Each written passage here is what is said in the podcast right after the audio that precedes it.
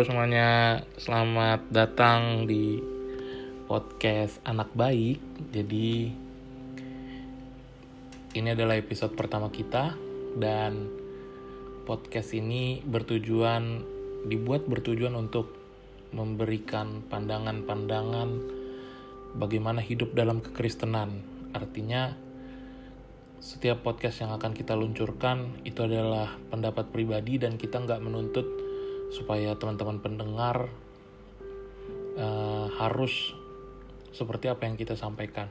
Nggak semuanya kembali ke pribadi masing-masing, cuma kita hanya menyampaikan pendapat-pendapat kita biar yang dan yang kita harapkan lewat pendapat kita ini teman-teman semakin dikuatkan imannya, teman-teman semakin semangat untuk memberikan yang terbaik sama Tuhan. Jadi itu aja yang bisa gue sampaikan. Semoga teman-teman terberkati atas podcast yang bakal kita terus luncurin. Doain terus biar kita intens untuk menjalankan ini, biar podcast ini dapat menjadi berkat lebih ke banyak orang lagi. Itu aja teman-teman. Terima kasih. Selamat mendengarkan. Tuhan Yesus memberkati.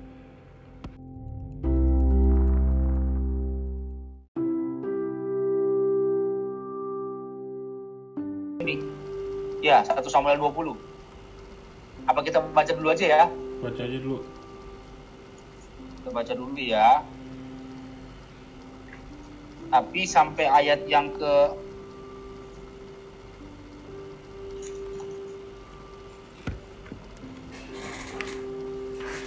sampai ayat yang ke-9 aja. Sampai ayat yang ke-9. Oke, kita baca dua-dua ya. Dua ayat dua ayat, nanti ayat yang ke-9 kita samaan. Oke? Halo, oke? Okay? Oke. Okay. Oke, okay, saya dulu okay. baru Jori. Karena ini urutannya urutan di Zoom saya aja ya. Saya dulu, Jori, Permata, baru Rani. Nanti ke kita sama-sama. Oke. Okay. Ini satu Samuel 20 ayat yang pertama perjanjian antara Daud dan Yonatan. Maka lahirlah Daud dari Nayot dekat Ramah. Sampailah ia kepada Yonatan lalu berkata, "Apakah telah apakah yang telah kau perbuat? Apakah apakah yang telah kau perbuat? Apakah kesalahanku dan apakah dosaku terhadap ayahmu sehingga ia ingin mencabut nyawaku?" Tapi Yonatan berkata kepadanya, "Jauhlah yang demikian itu. Engkau tidak akan mati dibunuh. Ingatlah ayahku tidak berbuat sesuatu." Baik perkara besar maupun perkara kecil, dengan tidak menyatakannya kepadaku. Mengapa ayahku harus menyembunyikan perkara ini kepadaku? Tidak mungkin. Tetapi Daud menjawab, katanya, Ayahmu tahu benar bahwa engkau suka kepadaku, sebab itu pikirnya, tidak boleh Jonathan mengetahui hal ini. Nanti ia bersusah hati. Namun, demi Tuhan yang hidup dan demi hidupmu, hanya satu langkah jaraknya antara aku dan maut. Jonathan berkata kepada Daud, apa pun kehendak kehendak apa pun kehendak hatimu, aku akan melakukannya bagimu. Lalu kata Daud kepada Yonatan, kau tahu, besok bulan baru, maka sebenarnya aku harus duduk makan bersama-sama dengan raja. Jika engkau membiarkan aku pergi, maka aku akan bersembunyi di padang sampai lusa petang Apabila ayahmu menanyakan aku, aku katakan, Daud telah meminta dengan sangat kepadaku untuk pergi dengan segera ke Bethlehem, kotanya. Karena di sana ada upacara pengorbanan tahunan bagi segenap kaumnya. Jika begini dikatakannya, baiklah maka hambamu ini selamat. Tetapi jika amarahnya bangkit dengan segera, ketahuilah bahwa ia telah mengambil keputusan untuk mendatangkan celaka jika demikian, tunjukkanlah kesetiaanmu kepada hambamu ini, sebab engkau telah mengikat perjanjian di hadapan Tuhan dengan hambamu ini. Tetapi jika ada kesalahan padaku, engkau sendirilah membunuh aku. Mengapa engkau harus menyerahkan aku kepada ayahmu? Eh, ayat yang sembilan saya bacakan aja deh sendiri, biar enggak uh, berbeda-beda. Tetapi jawab Yonatan, jauhlah yang demikian itu, Sebab jika aku ketahui dengan pasti bahwa ayahku telah mengambil keputusan untuk mendatangkan celaka kepadamu, masakan aku tidak memberitahukannya kepadamu. Oke, uh, kita coba pahami dulu deh. Tapi teman-teman di sini udah ngerti belum ceritanya ini? Coba lu ceritain secara singkat, Bang. Oke, jadi ada Yonatan. Yonatan ini anaknya si Saul. Saul ini kan memang pengen ngebunuh Daud ya karena dia nggak suka tuh Daud jadi raja gantiin dia. Itu jadi singkat ceritanya si Daud ini ketemulah sama si Yonatan. Nah jadi uh, Daud ini kayak kayak kayak mohon lah sama Yonatan. Supaya dia bilang dia kayak ngimbul kayaknya sih ya. Dia kayak mau supaya si Yonatan ini berbohong lah sama si Saul ini. Bilang gua tuh lagi di sono gitulah. Itu padahal dia lagi sembunyi. Nah, kira-kira kayak gitu supaya dia tidak ditangkap dan tangkap untuk dibunuh. Oke. Kira paham gak maksudnya? Itu ya. Okay. padahal si Yonatan ini adalah anaknya loh anak kandungnya. Gitu loh. Anak kandungnya. Tapi dia uh, walaupun di sini dibilang apa namanya di sini dibilang sudah ada perjanjian gitu. Tapi gimana lah perjanjian ini ketika ayahnya mau diganti sama orang yang dia kenal gitu loh. Tapi itu urusan belakangan lah itu urusan belakangan. Tapi sebuah perjanjian ini buat gue suatu hal yang sangat besar. Maka Yonatan bersikap ya udahlah nggak apa-apa. Untuk temen ya udahlah nggak apa-apa untuk sahabat. Oke. Jadi kita mau kita mau aplikasikan, kita mau aplikasikan lewat cerita kita, pengalaman kita. Uh, ada teman yang mendatangkan kecelakaan, Yonatan bisa saja menyampaikan yang tidak sesuai dengan obrolan mereka. Dan itu akan mendatangkan maut ke Daud, bisa saja. Tetapi ada juga sahabat lebih karib daripada seorang saudara. Yonatan adalah anak dari Saul. Tidak apa-apa, gue bohongin orang tua gue, yang penting sahabat gue, Daud aman dari cara ayahnya atau keinginan ayahnya untuk membunuh. Nah, menurut teman-teman di sini, menurut teman-teman di sini, seperti apa sih besarnya seorang sahabat. Menurut teman-teman tuh seperti apa sih besar seorang sahabat untuk membuat teman-teman itu maju, untuk membuat teman-teman itu yang di sini itu uh, mempunyai apa ya, mempunyai mempunyai uh, harta mungkin atau jabatan atau hidup yang yang semakin dekat sama Tuhan seberapa besar sih seorang sahabat menurut teman-teman? Lalu apakah teman-teman itu sudah mempunyai sahabat sampai saat ini yang bisa mendatangkan kebaikan? Itu Itu sharing kita hari ini.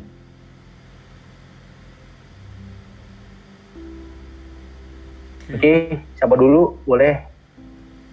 Uh, dulu yang mau jawab? Jori, Jori ya. Jangan jangan. Jori, Jori. Aku terakhir, aku terakhir.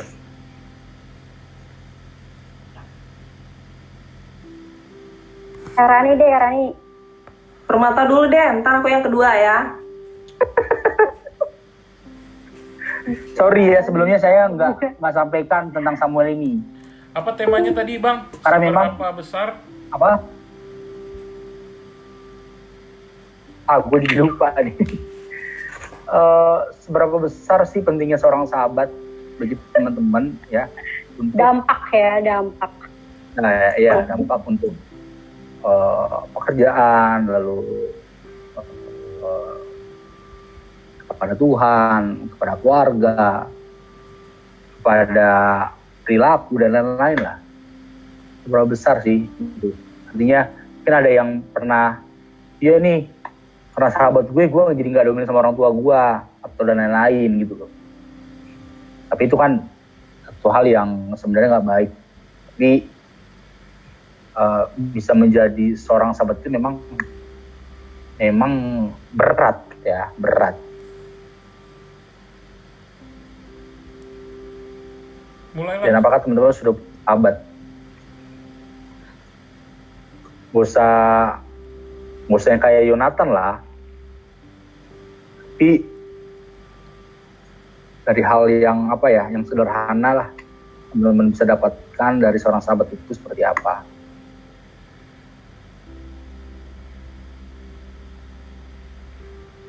Ya, silakan Permata.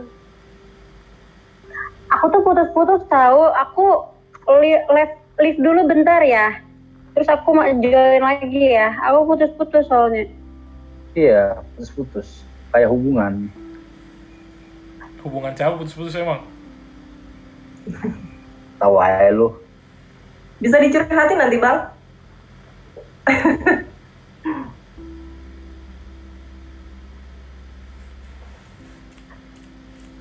Satu aja ya pertanyaannya, Bang. pertanyaan awal itu kak ntar juga berkembang sampai dua jam Tadi kan kayaknya di awal, kayak tadi di awal tuh ada dua gitu. Iya gak sih? Kayaknya di awal ada dua gak sih? Seberapa besar pentingnya seorang sahabat sama apa satu lagi tadi ya?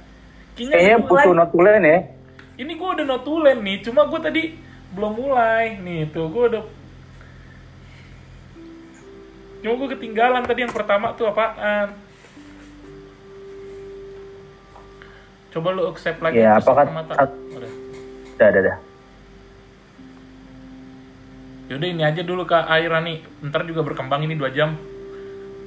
Oke, siap. Asal jangan ngobrolnya ujung-ujungnya jangan ke akhir zaman ya. ya Kapar Mata, lu yang pertama, seberapa besar pentingnya seorang sahabat dari kisah 1 Samuel 20 ayat 1 sampai 9 dan Amsal 18 ayat 24.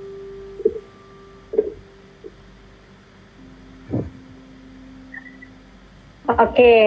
Jadi gue yang pertama ya. mungkin dikasih waktu kali ya Bebas. Berapa supaya lama? lebih tertata ya kan tiga menit lah ya Boleh. Boleh. Satu menit. Jor lu Yaudah. moderator ya Oke. Prit kalau udah selesai Prit 5 menit ya, 21.43 selesai 21.48 kalau nggak salah hitung. Oke. ya pokoknya kurang lebih lah Ya, jadi kalau menurut aku pentingnya sahabat tuh penting banget.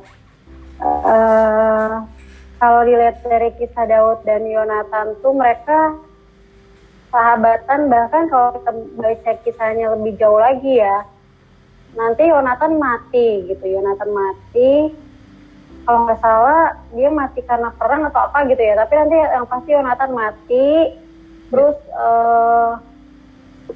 Saul juga udah pokoknya Daud keluarga Saul udah berantakan intinya eh, Daud masih memperhatikan anaknya Yonatan gitu. Daud Hmm. masih memperhatikan anaknya Yonatan karena janjinya Daud sama Yonatan tuh eh, terikat banget gitu. Bagiku kasih kasih dalam persahabatan tuh besar ya dan penting banget gitu. Kita nggak harus mencari sebuah keuntungan dari sahabat kita. Maksudnya apa dampak yang udah sahabat kita lakuin buat kita? Kayak misalnya apakah dampak apakah sahabatmu eh, membuat kamu jadi lebih sukses? Apakah sahabatmu membuat kamu jadi lebih kenal Tuhan istilahnya gitu ya. Aku sih secara pribadi nggak mengalami hal itu gitu. Maksudnya bukan karena sahabatku aku eh, ada di posisi saat ini gitu. Enggak enggak mengalami hal itu. Tapi aku mengalami bahwa ketika aku punya sahabat hidupku tuh sangat-sangat bahagia gitu loh. Enak gitu loh. Karena aku kenapa? Karena aku punya tempat di mana aku akan menceritakan banyak hal yang nggak semua orang tahu gitu. Misalnya di depan semua orang aku tuh kelihatan oke-oke aja fine-fine aja gitu.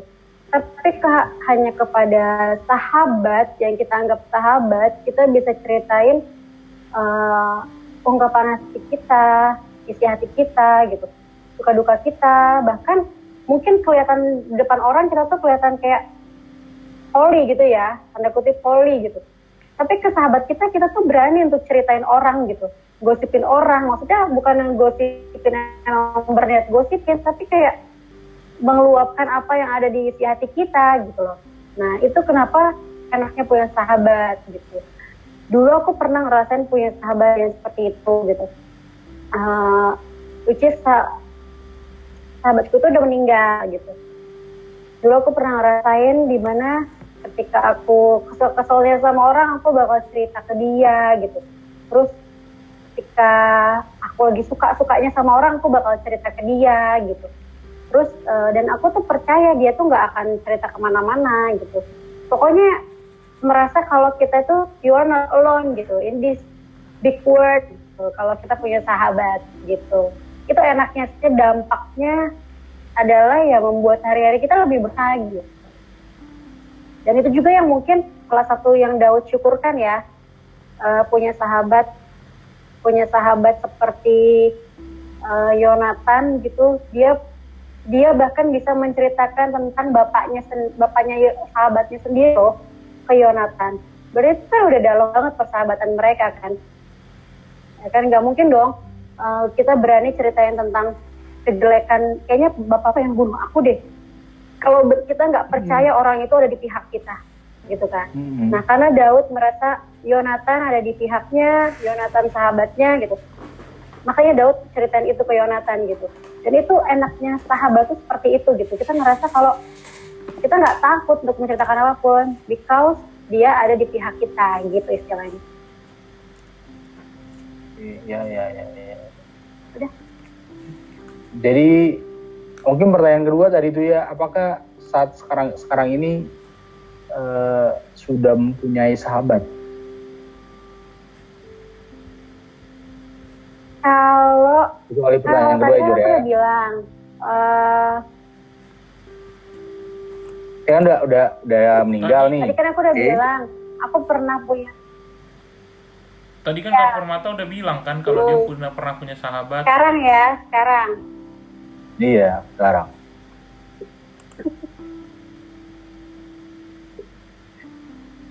kalau sekarang sih syukurnya juga tetap ada. Tuhan kasih sahabat juga gitu. Tempat uh, ya yang kayak aku bilang tadi lah tetap ada tetap ada. Tetap ada ya tetap ada ya. Walaupun memang uh, rasanya nggak sama kali gitu ya kalau ngomongin rasa okay. sahabat lama sama enggak gue kira so tiap sahabat punya porsi beda-beda bang Oke. Ayo Kak Airani sekarang.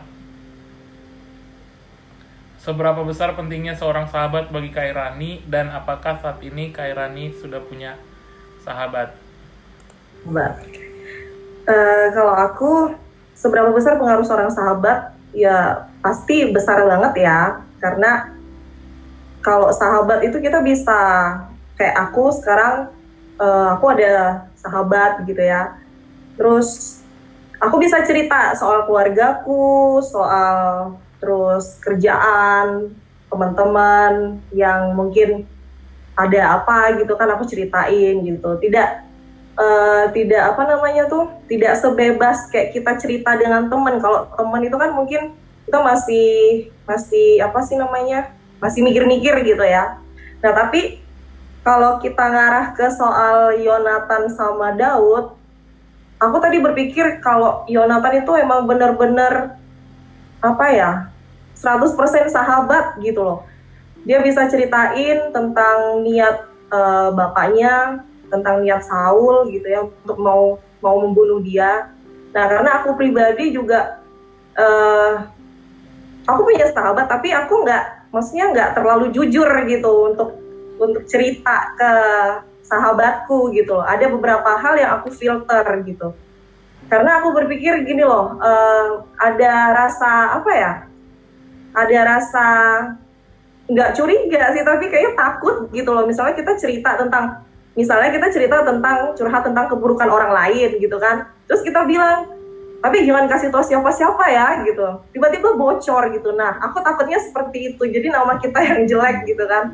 Nah kalau di aku aku kayak gitu gitu. Jadi nggak 100% aku cerita sama sahabatku yang yang ju terlalu jujur gitu. Tapi aku filter lagi. Aku filter lagi apa yang harus aku ceritakan apa yang enggak gitu. Jadi kalau dibilang uh, seberapa besar pengaruh sebenarnya besar gitu besar. Besar pengaruhnya kalau kita cerita ceritanya terlalu kebablasan juga akan pengaruh gitu. Kalau kita bisa uh, kayak ngerem apa yang sudah apa kayak filter gitu apa yang mau kita ceritain sama teman kita juga akan pengaruh ke depannya. Bagaimana nanti persahabatan kita ke depannya gitu dengan apa yang kita ceritakan. Kalau menurut aku sih seperti itu ya. Terus uh, apakah saat ini sudah punya sahabat? Sudah punya gitu. Pasti tahu lah Bang Niko sama Permata Grace. Nah kalau sama Grace itu aku cerita semuanya. Tapi uh, lebih banyaknya sih dia yang cerita ke aku ya, bukan aku yang cerita ke dia. Karena dia uh, apa namanya banyak cerita tentang tentang kehidupan kampusnya gitu, kehidupan dosennya di sana. Lebih banyak cerita itu. Itu aja sih kalau aku di awal ini. Iya, Oke deh lanjut dulu deh Jody deh. Kalau gue ini ya, kalau buat gue pribadi sebenarnya gue mau jawab yang kedua dulu. Apakah saat ini punya sahabat? Sebenarnya kalau gue pribadi, gue merasa sahabat yang bener-bener jadi tempat cerita kayak yang tadi dibilang permata sama Kairani, gue belum nggak punya, nggak punya. Kenapa nggak punya? Karena memang gue pribadi adalah tipe orang yang introvert. Jadi gue lebih ya gue lebih suka untuk gimana ya untuk memprivatekan semua hal yang gue miliki gitu loh. Mau itu hal baik maupun hal buruk gitu. Jadi memang kalau gue pribadi gue nggak punya yang namanya the real sahabat untuk tempat cerita yang seperti kalau tadi arti sahabat itu yang disampaikan sama Permata sama Kairani. Itu itu yang gue bisa sampaikan. Lalu seberapa seberapa besar pentingnya seorang sahabat? Nah karena gue nggak punya sahabat yang real intense buat gue cerita buat gue share semua yang baik buruk tentang gue jadi gue nggak bisa nih sebenarnya jawab seberapa besar pentingnya seorang sahabat. Karena memang gue nggak punya the real sahabat gitu loh. Tapi kalau mau sedikit lebih rohani sih kalau mau sedikit lebih rohani akhir-akhir ini gue lebih banyak menceritakan hal-hal buruk gue terbuka tentang hal-hal buruk gue dalam doa. Kalau gue ya akhir-akhir baru akhir-akhir ini gue mulai. Ini gue bisa jujur baru akhir-akhir ini gue mulai.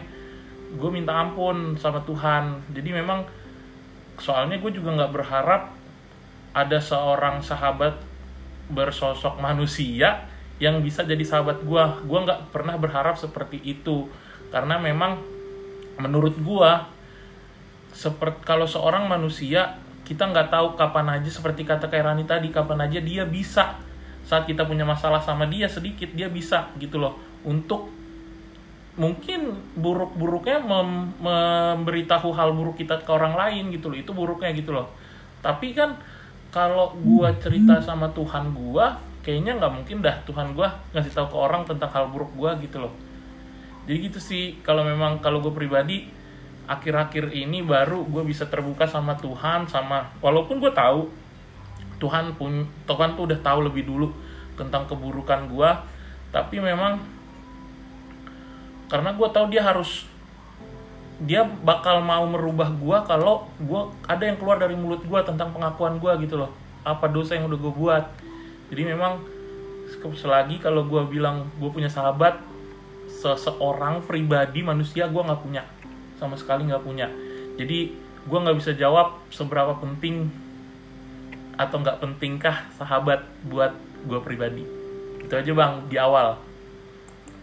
Oke. Okay. oke. okay uh, oke. Okay. uh, eh, kita, kita kita semua terima aja lah. Terima bukan terima aja terima dulu ya. Tapi yang mau gua gua dulu dibilang sahabat nggak tahu lah. Dibilang temen eh, seperti melebihi temen. Artinya gue ke mana-mana bareng gitu kan. Ke mana-mana bareng. Ini eh, ini ini bukan soal pelayanan saja oke? Supaya tidak menerka-nerka siapa orangnya ya. Oke jadi gue hampir ya bisa dibilang lah upin ipin gitu ya. Jadi ke mana aja bareng gitu. mau cari pacar juga. Kita bisa dibilang hampir bareng-bareng gitu-gitu juga. Nah, tapi ke sini sininya tuh banyak hal yang kurang pas lah kurang pas ya. Oke lalu masuk ke wilayah pelayanan eh sebenarnya bisa dibilang sampai saat ini sih ya terlepas permata jauh ya gitu loh. Tapi yang dekat-dekat sini gue, gue pribadi belum belum ada yang gue bilang gue punya sahabat gitu. Walaupun sebenarnya bagi gue pribadi sahabat itu penting ya. Walaupun nanti ujungnya kayak si Jori yang bilang ujungnya itu gitu loh ujungnya itu. Sebenarnya berharapnya perkataan yang tadi Jori bilang itu jangan dikatain dulu jangan disampaikan dulu sekarang. Karena itu akan poinnya di ujungnya nanti gitu kan tapi yang mau gue coba bagikan buat teman-teman bahwa ada teman yang mendatangkan kecelakaan tetapi ada juga sahabat yang lebih karib. Walaupun teman itu mendatangkan kecelakaan tapi kita perlu teman. Ya toh kita perlu teman. Kita perlu sahabat. Nah maka eh, yang mau aku sampaikan dan yang mau aku coba tanyakan sama teman-teman di sini di di di di, di Zoom kita ini. Tadi kan Rani bilang ada hal-hal yang tidak bisa disampaikan. Gitu. Kalau permata tadi hampir semua ya tak ya bisa disampaikan. Nah pertanyaan yang ke ketiga pengen banget gak sih punya sahabat yang kayak Yonatan gini?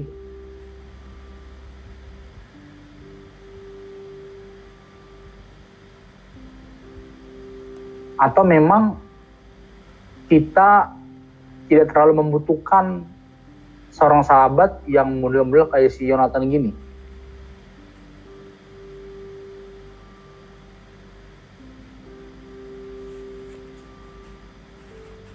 Siapa dulu nih? Karena tadi dimulai dari Kak Permata dan diakhiri dari gua, berarti sekarang yang pertama itu Kak Erani. Iya nggak enak. Firasat nggak enak ya. eh butuh nggak seorang sahabat seperti Nathan gitu ya? Apa ya? Kalau menurut aku butuh, tapi ngeri juga gitu loh. Maksudnya kalau Yonatan itu kan semua hal dikasih tahu gitu kan, apalagi dia tahu sahabatnya konflik dengan bapaknya gitu kan. Jadi dia kasih tahu bapaknya akan seperti ini, seperti ini, seperti uh, mau membunuh dan lain sebagainya kan. Tapi karena kasihnya Yonatan, karena dia mengasihi Daud sama seperti dirinya sendiri, seperti yang dicatat di Alkitab gitu. Uh, kalau aku pribadi sih butuh sih orang kayak gitu, karena dia jujur dalam segala hal gitu. begitu Gitu. ya Iya.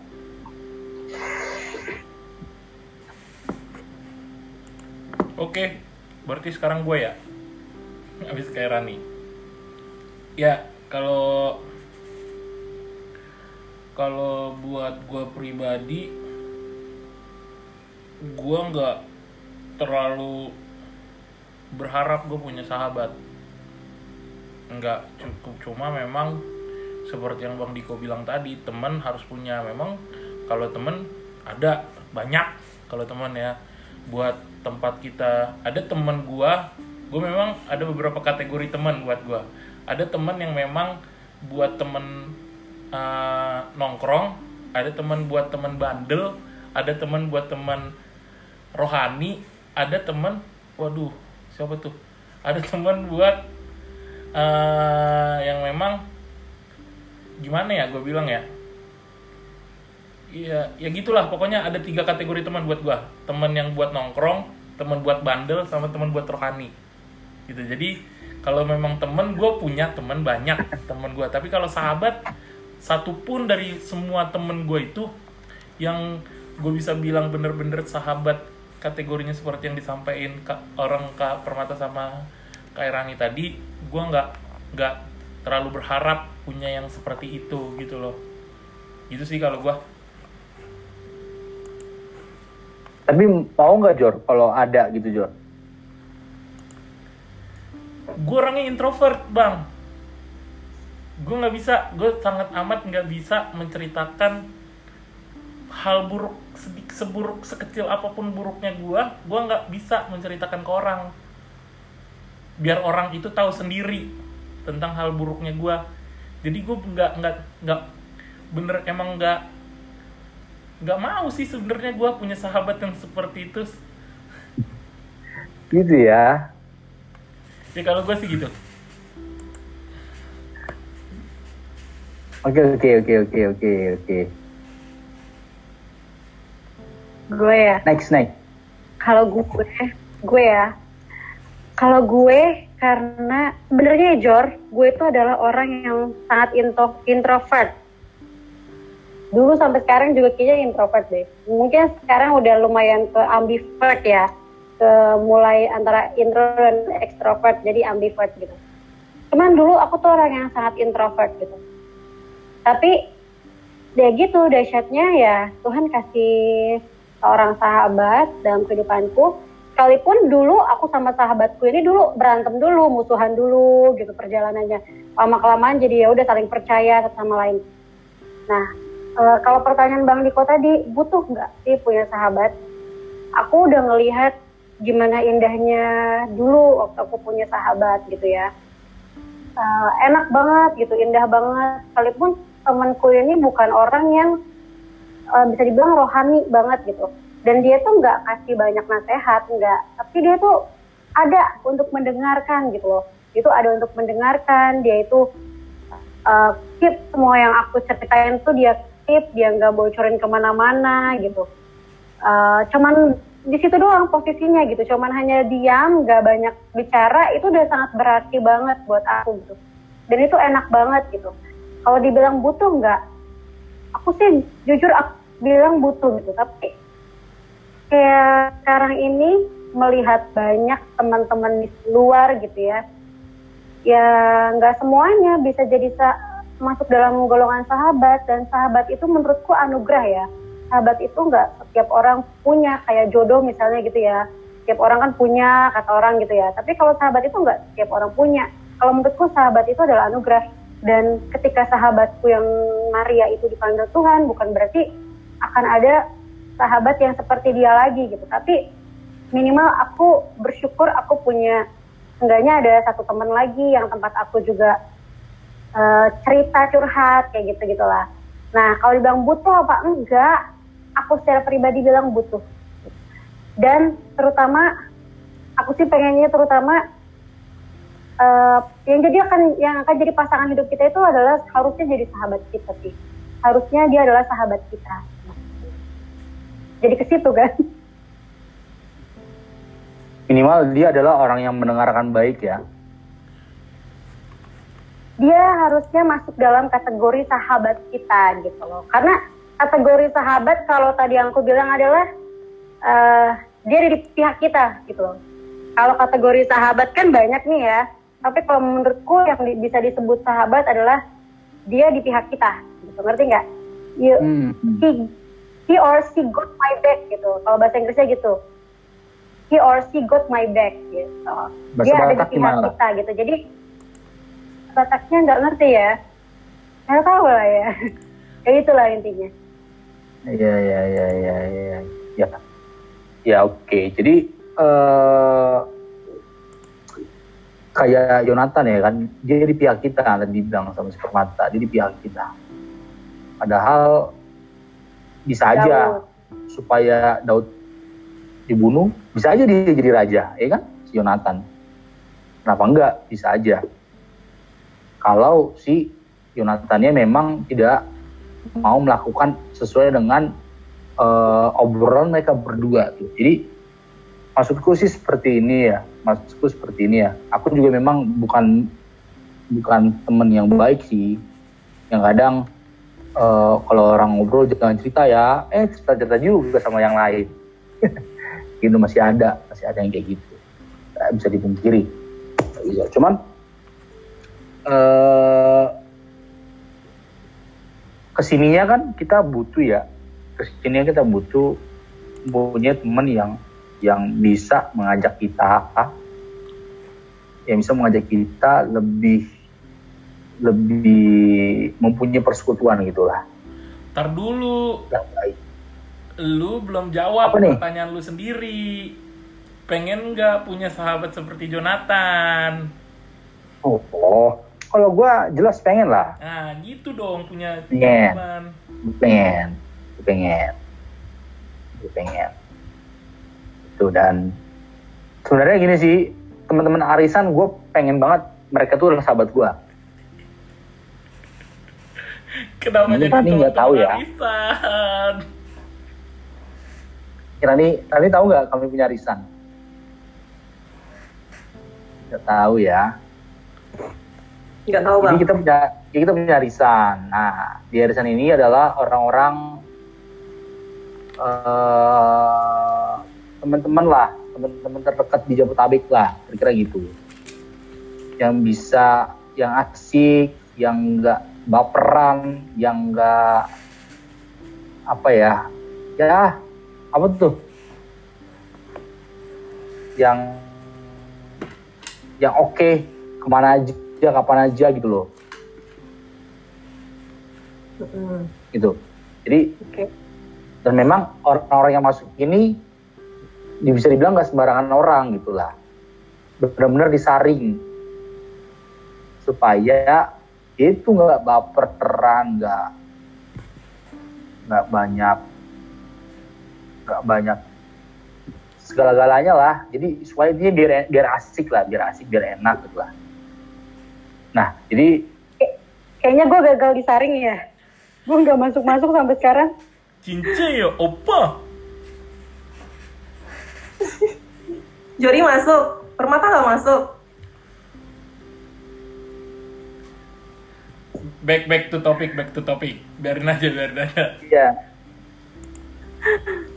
Jadi jadi tadi gue bilang depannya kan kita butuh ya seorang apa namanya orang-orang yang dekat sama kita tuh bisa membuat kita tuh semakin maju kan gitu dalam bidang apa pun gitu. Nah di di lain sisi teman-teman di kerjaan tapi gue suka kalau teman-teman di sana ini pada maju gitu loh lalu di gereja pun mereka bisa melayani, bisa mensupport eh, pelayanannya dengan baik. Dan gue percaya dengan hal itu apa yang mereka kerjakan itu membawa dampak buat eh, apa namanya penguan gitu, buat tempat di mana mereka mempunyai organisasi, begitu. Nah jadi kenapa gue pengen karena sudah lama berteman barisan ini. Sudah lama kita mempunyai pelayanan yang bareng gitu. Kenapa enggak tuh jadi aduh gue jadi lupa lagi nih apa yang mau gue tanyain sama teman-teman nah jadi di lain sisi kita memang punya sahabat sejati gitu lalu punya saudara kandung orang tua dan lain-lain tapi kita sebenarnya butuh juga sahabat yang bisa saling tukar menukar pikiran, saling membawa ke, ke jalan yang lebih baik lagi. Kira-kira kayak gitulah teman-teman tentang Amsal ini dan tentang Yonatan. Nah, maka the endingnya adalah di balik ini semua memang benar yang tadi dibilang sama si Yori. Tuhan, Tuhan Yesus itu tempat di mana kita kapan aja, di mana saja bisa komunikasi, bisa mencurahkan semua ke apa amarah bisa mencurahkan semua isi hati kita. Tetapi menurutku eh, Tuhan menyediakan orang-orang atau Tuhan menganugerahkan kalau kata si tadi menganugerahkan orang-orang orang-orang di sekeliling kita yang bisa menjadi tempat cerita kita juga. Itu dan itu bisa bisa membuat kita menjadi lebih fresh, lebih kuat, lebih apa namanya semangat lagi gitu. Nah, jadi aku berharapnya kita pun di sini bisa menjadi sahabat.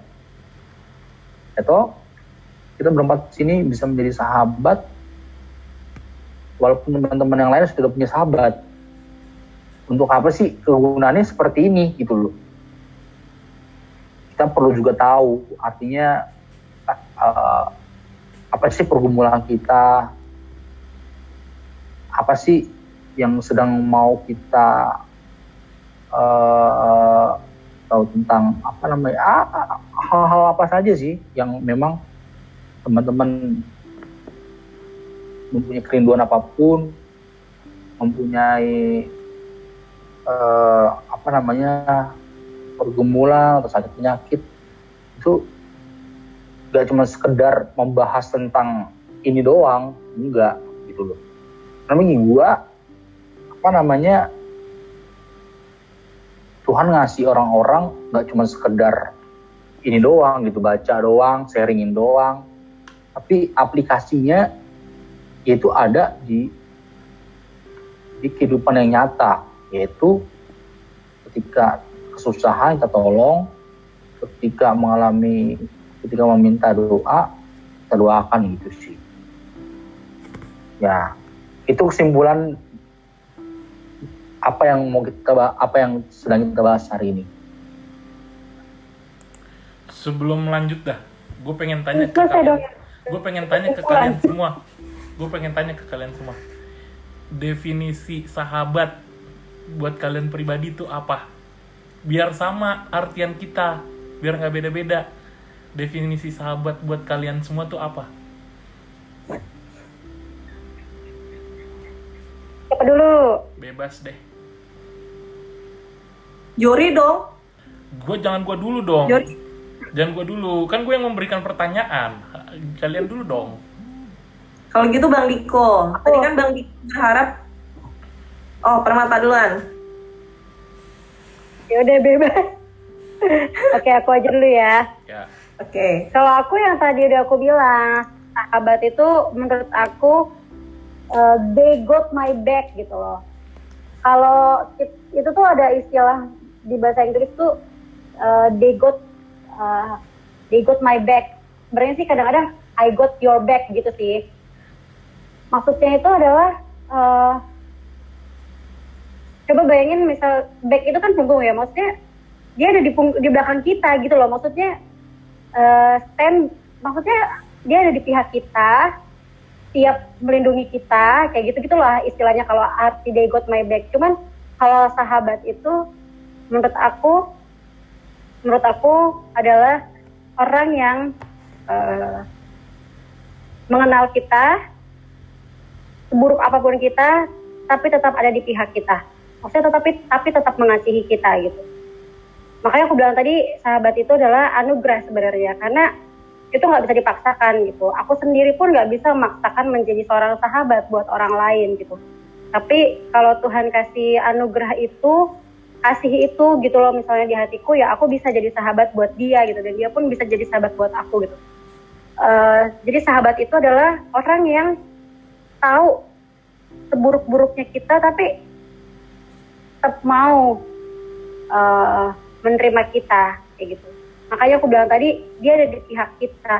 Ada di pihak kita itu berarti mau apa pun yang terjadi ya dia tetap berdiri di tempatnya sebagai seorang teman kita di samping kita gitu di belakang kita gitu. They got my back gitu loh. Itu sih. Mantep mantep tak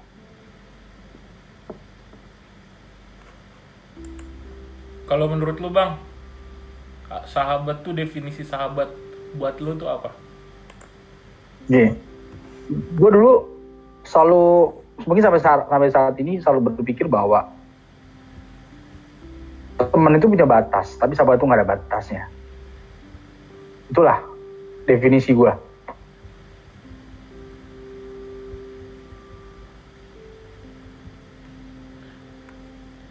Kairani, definisi sahabat buat Kairani apa? Kalau aku nambahin ya, uh, dari Permata apa yang sudah Permata sampaikan sama Bang Diko. Kalau aku definisi sahabat itu dia harus bisa uh, karena tadi Permata bilang dia selalu ada di pihak kita, otomatis kan dia selalu apa ya, selalu pro gitu ya. Nah kalau definisi sahabat menurut aku dia harus bisa uh, ada kan istilah tertutup di dalam, eh gimana? Tertutup di uh, terbuka di dalam, tertutup di luar. Jadi apa pun yang kita ceritain sama si sahabat ini dia harus bisa jaga bener-bener apa yang sudah kita curhatkan gitu loh. Karena bahaya banget kan gitu.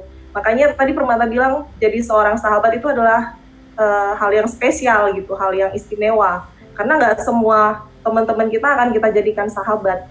Kita harus tahu gitu kan siapa yang bisa pegang uh, rahasia kita gitu. Akan bahaya sekali kalau sahabat kita malah nusuk kita dari belakang. Itu sih definisi, definisi sahabat dari aku. Good good. Terus gini. Ini kan arti sahabat nih ya. Kita mau kembali. Lu dulu lu dulu. Gue belum pernah merasakan punya sahabat jadi gue nggak punya definisi tentang tapi sahabat. pengennya punya sahabat yang kayak gimana Jor? Tapi gini loh. Kan bakal tapi gini. kita bakal jadi sahabat pengennya gitu.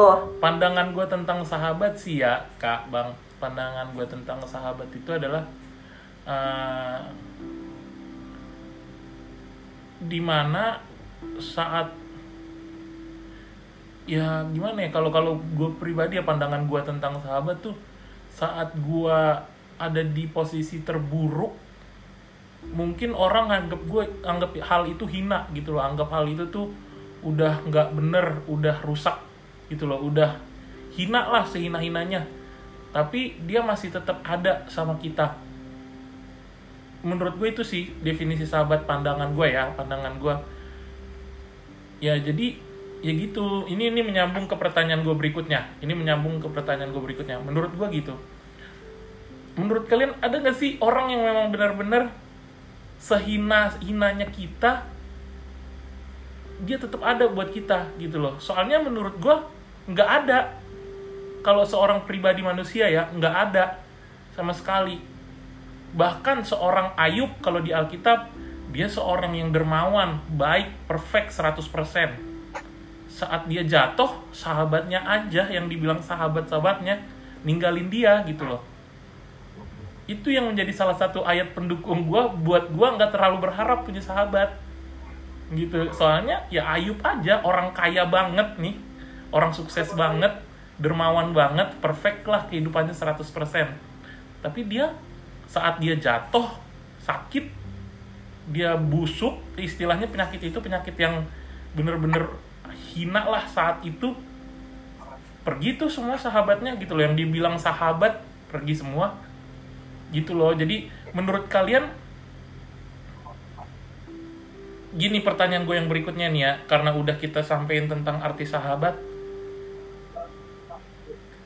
Kan udah ada nih sekarang Tuhan Roh Kudus. Ya kan? Apakah masih penting buat kita memiliki seorang pribadi manusia untuk menjadi sahabat saat kita udah punya Roh Kudus udah punya Tuhan gitu loh di samping kita tuh pandangan kalian gimana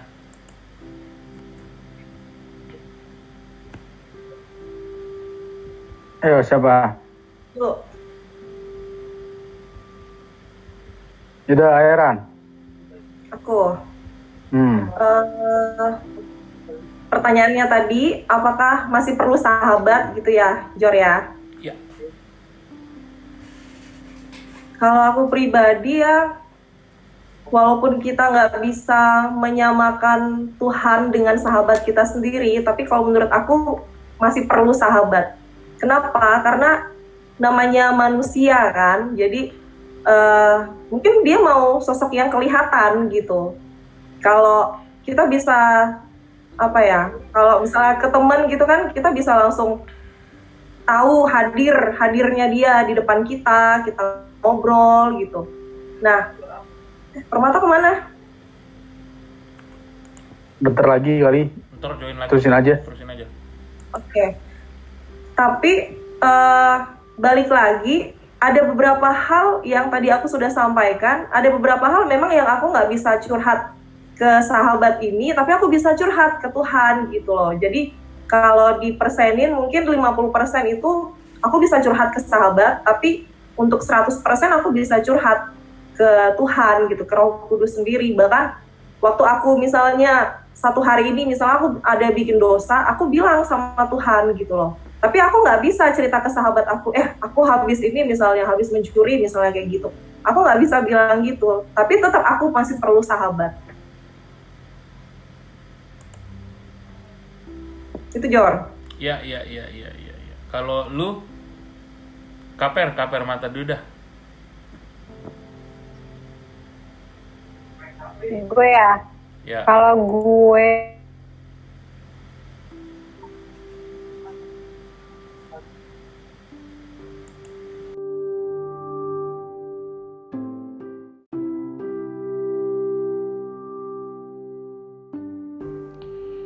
Halo guys, jadi tadi agak keputus. Di akhir-akhir pada intinya antara uh, Ardiko, Permata sama Kairani mereka berpendapat bahwa memiliki sahabat itu penting. Tapi ada batasan ada beberapa hal yang nggak harus semua diceritakan. Tapi kalau buat gue pribadi, yang tadi gue sampaikan bahwa mungkin karena gue orangnya introvert jadi gue tidak terlalu mementingkan sahabat. Dalam artian di sini sahabat manusia ya orang pribadi sosok pribadi. Karena menurut gue ya gue bukannya sok rohani gue bukannya sok iman gue paling tinggi di antara mereka semua. Enggak.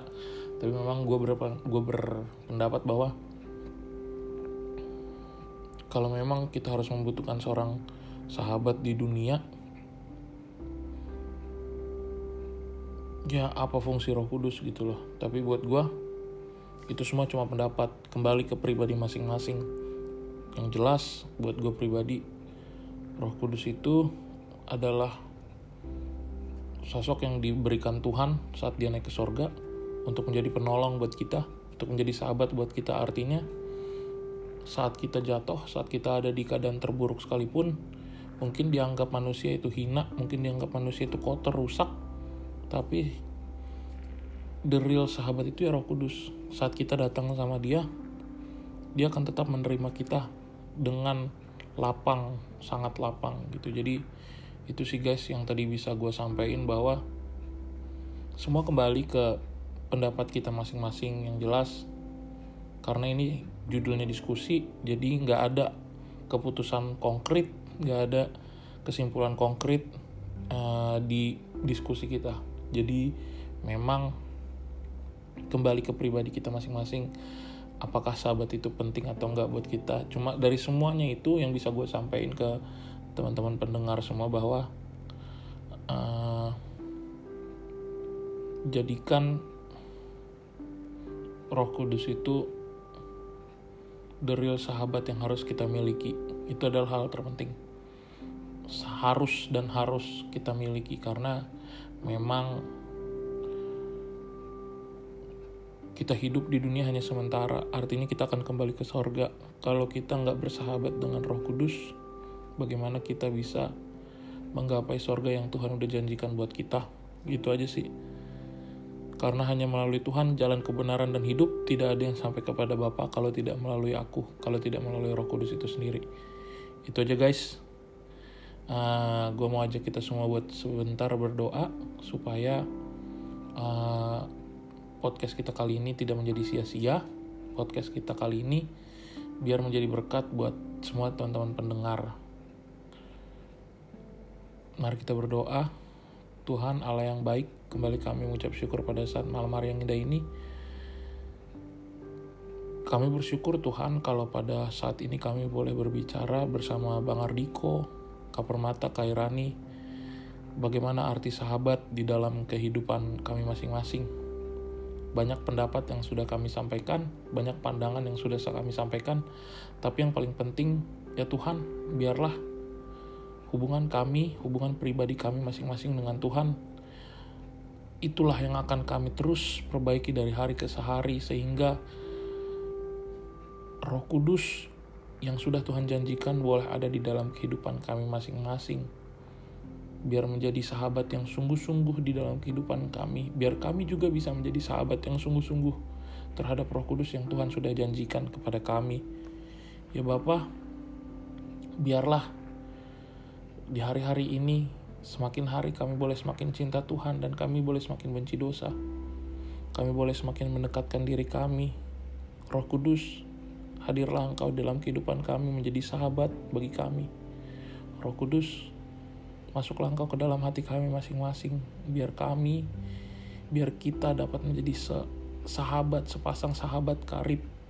Bagaimana kami bisa, aku bisa menyampaikan seluruh isi keluh kesahku, dan Tuhan, Engkau Roh Kudus bisa membantu aku dalam menyelesaikan setiap permasalahanku biar engkau juga roh kudus yang bisa membimbing kami semua untuk masuk ke dalam kerajaan sorga yang Tuhan sudah janjikan kepada kami.